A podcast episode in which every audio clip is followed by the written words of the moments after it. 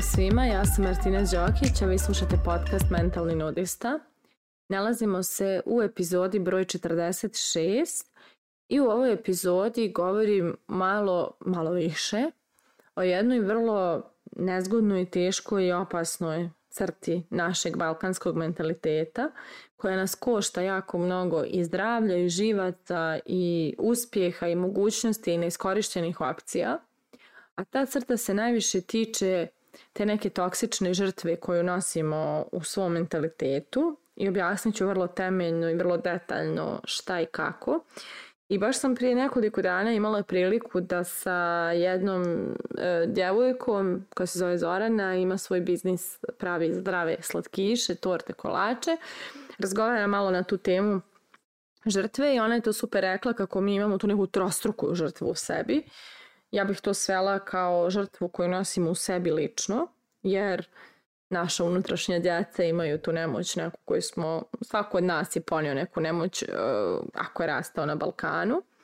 Zatim žrtvu koju nosi naša porodica i koja ima neku svoju nemoć i društvo kao takvo koje, koje nas uči koliko smo bez granica, u smislu nemamo zdrave granice koje znamo da postavimo, nego smo spremni da trpimo sve i svašta i vrijedimo malo i tako dalje. Sad to su neka opšta uvržena razmišljanja, Pojasniću detaljnije, iako se ne pronalazite u nekim od njih, baš ću potruditi da detaljno, potrudit se da detaljno uđem u to, pa da vidite imali vas u svemu tome.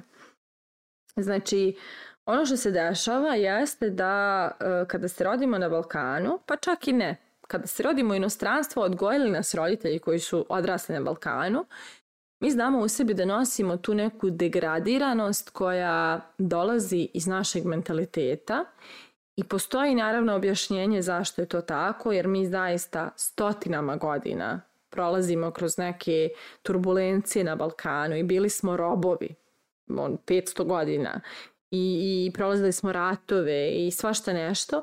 I samim tim naše, naše prošle generacije, naši preci nisu imali kada da emotivno stazriju, da, da se razviju neke stabilne, zdrave, emotivno inteligentne, resursne ljude, jer se stalno radio taj neki restart patnje, tuge, borbe, jada, siromaštva, izbjeglištva, koje čega, Da bukvalno, evo, mi nemamo iza sebe ni tri generacije koje da kaže čovjek odrasli su u miru. Znači, niko nije od nas rastu u miru. Evo, ja imam 33 godine uskoro, ni ja nisam, ja sam prošla već rat.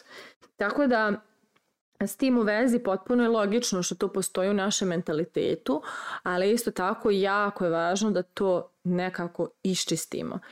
I ja nisam ovoga bila svjesna koliko je mjeri to, to snažno u nama, dok e, mi nije ovaj moj lični razvoj plus život u inostranstvu donio tu perspektivu da nas malo pogledam sa strane i shvatim da čak i naši ljudi koji odu odavde negdje vani ponesu sa sobom mnogo elemenata te trostruke žrtve koja, koja postoji i to je jako teško iščistiti jer mi smo ljudi koji u bazi vjeruju da je život težak, da je život jako komplikovan, da je život nepravedan, da su ljudi loši i da mnogo toga što se dešava je van našeg uticaja i e, da je teško prevazići to sve. I kada nosimo takva uvjerenja, mi smo u startu u, u lošijoj poziciji od bilo koga s kim, s kim se takmičimo, bilo u karijeri, bilo u, u, u uspjesima ili u čemu, ili nebitno jel se takmičimo, mi smo u startu u lošoj poziciji u odnosu na e, na neki cilj koji želimo da postignemo. Odmah nam je krupniji, veći i dalji. Baš kada sam jednom pričala sa jednim klijentom iz Beča, on me nešto pitao gdje planiram da živim i ja sam rekla, pošto ja sad sam u nekom, nekoj tranziciji, i ja sam rekla e, živjet ću u Beču, a imat ću kuću u Istri u kojoj ću da boravim jedan dio godine mi je rekao, wow, kako ti to tako znaš i kako si to tako opušteno rekla. Ja dok nisam došla na NLP nisam smio naglasni da kažem svoje ciljeve, a ja sam rekla, ali ovo što mi sanjamo je banalno. Znači, šta, kuća na moru i život u jednom lijepom gradu, to su osnovne stvari u životu. Znači, to samo nama izgleda kao veliki cilj. I onda samo tako kad se malo uporedimo sa nekim drugim kulturama koji nisu prošli kroz što smo mi, shvatimo koliko smo uplašeni i nemoćni u srži i koliko je teško iščupati se iz toga.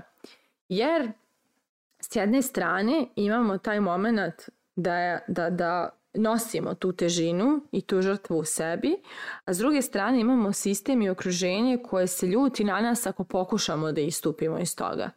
I onda znate oni momenti kada neko nešto uspije, postigne, pohvali se, prikaže, kupi, nebitno, da uvijek postoje oni komentari e, kako tako možeš, ljudi gladuju, ljudi nemaju, a ti tako.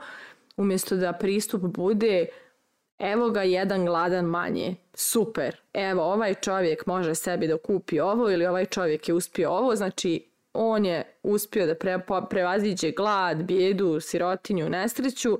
Znači, evo, super, jedan manje. Ajmo dalje. Ajde da ih bude još ovakvih. Znači, ne razmišljamo tako.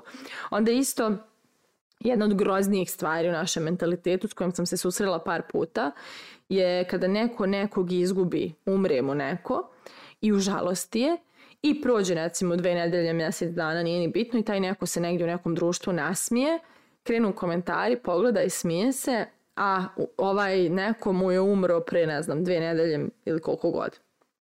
Kao Boga kako može da se smije, kako se osuđuje da se smije kad mu je taj neko umro. Umjesto da pristup bude super, baš mi je drago zbog ove osobe, uspjela je na trenutak da bude radosna, uspjela je na trenutak da zaboravi da na svoju tragediju, da se nasmije. Naš pristup je sram, sram ga bilo, nasmio se. znači, a svi mi znamo da sve što nas boli noću ne može da se ugasi. Pa ajde bar po danu da taj neko malo smetni, smetni suma to što se desilo. I onda takvi neki momenti gdje uporno nas sve vuče nazad, uključujući, znači eto, ajde to društvo i svi ti glasovi, ali onda tu i naša porodica. Evo ja sad mogu da dam svoj primjer, Naravno, ne pričam ništa loše o našim porodicama, one rade najbolje što znaju, ali evo ja sa, sa eh, ja nisam uspješna po mjerilima moje majke. Ja sam poprilično promašila put po mjerilima moje majke, jer imam preko 30, nisam se udala, nemam decu i nisam kupila stan na kredit i ne radim u sistemu koji mi daje sigurnu platu, nego za Boga ja tu nešto vijam, izmišljam gde ću da živim, pravim, pa, pravim poslove, firme, mm, i tako, imam neke prioritete koji njoj baš nisu jasni i mene je dugo mučilo to, taj njen ugao gledanja koji dolazi naravno iz njenog vaspitanja i njenog nivoa svijesti, njenog životnog iskustva, ali taj njen nivo, znači meni je trebalo vremena da ja ukopčam, da recimo baš taj njen nivo razmišljanja doveo nju u situaciju da je, ne znam, sa 50 zatvorena firma u kojoj je ona radila, kad je imala 50 godina i da je ona odmah sebe degradirala i našla neki mnogo lošiji posao, zato što je odmah zaključila da neće nju, niko nju da zaposli u njenim 50-ima i da mora da radi bilo šta da bi, da bi mogla da dođe do penzije. I onda tu je taj moment, ta, ta degradacija s kojom idemo naprijed. I po njenim mjerilima stre, uspjeha radi se za sistem, ali evo kad dođeš u neke godine, u problemu si, malen si i ne služi ti to. E, a ja sam neko ko ima taj osjećaj moći, ja sebi stvaram posao, ja ga pravim. Nekad ga pravim manje, nekad ga pravim više, nekad ga nikako ne pravim, ali ja se pitam. I tek ću da se pitam. I onda e, to moje istupanje iz tih okvira, prije svega moje porodice, koje je jako nasikiralo moju porodicu, pa onda iz okvira društva, jer sam ja u mnogim stvarima e, izašla iz nekih načina kako se šta razmišlja i radi, dovodilo da me u situaciju da me kritikuju ljudi koji ne gledaju svijet tako, nego gledaju onako kako smo naviknuti da ga gledamo.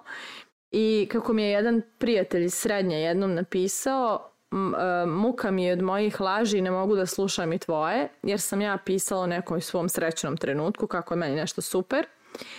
E, tu je taj moment gdje vuče nas nazad i mi nikako da istupimo iz tog kruga propadanja, tog kruga degradacije, jer stalno se osjećamo da radimo nešto loše zato što želimo drugačiji život.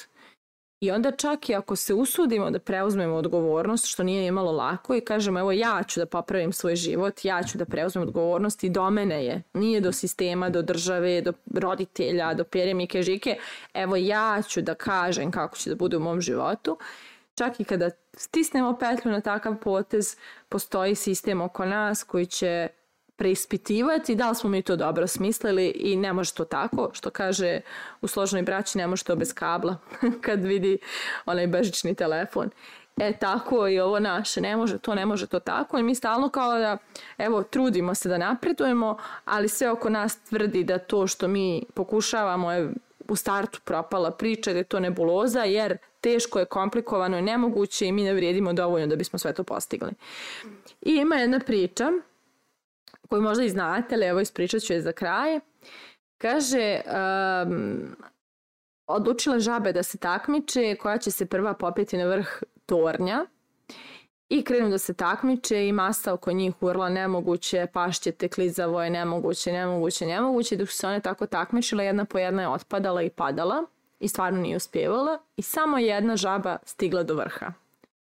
I masa u nevjerici kako je to se desilo, kad je glatko i klizavo i nemoguće da se popela i kad je žaba sišla sa tornja, svi se skupili oko nje, kako si uspjela, kako si uspjela, a ona ništa, muk, da bi masa shvatila da je žaba gluva.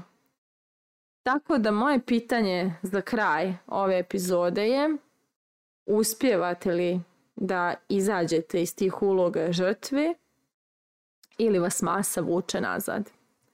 Mislite o tome, a mi se družimo u narednoj epizodi.